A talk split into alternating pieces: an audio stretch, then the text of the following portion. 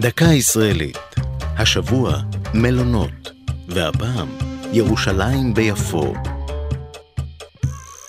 ספק אם האחים האמריקנים ג'ון וג'ורג' דריסקו העלו בדעתם שהמלון שהקימו לפני כ-160 שנה יעבור תהפוכות כאלו.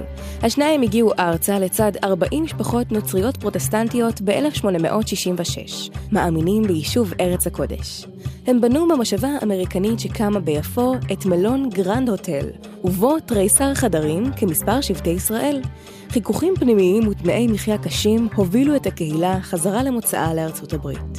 במקומה התיישבו שם חברי קהילת הטמפלרים, נוצרים גרמנים שגם הם באו ארצה מתוך האמונה ביישוב הארץ. בנו של אחד ממנהיגיהם, גיאורג דוד הרדג, רכש את המלון, שינה את שמו מגרנד הוטל למלון ירושלים, וכך שגשג המלון במשך 70 שנה.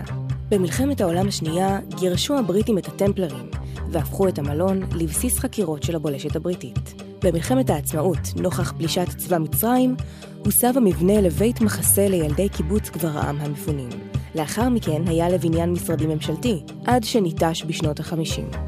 לפני כעשור רכשו יזמים את הבניין, ואחרי עבודת שימור ושחזור, נפתח במקום בית מלון יוקרתי, מלון דריסקו, על שם מקימיו המקוריים. זו הייתה דקה ישראלית על מלונות וירושלים ביפו. כתבה עמליה נוימן, ייעוץ הדוקטור ערן אלדר, עורך ליאור פרידמן.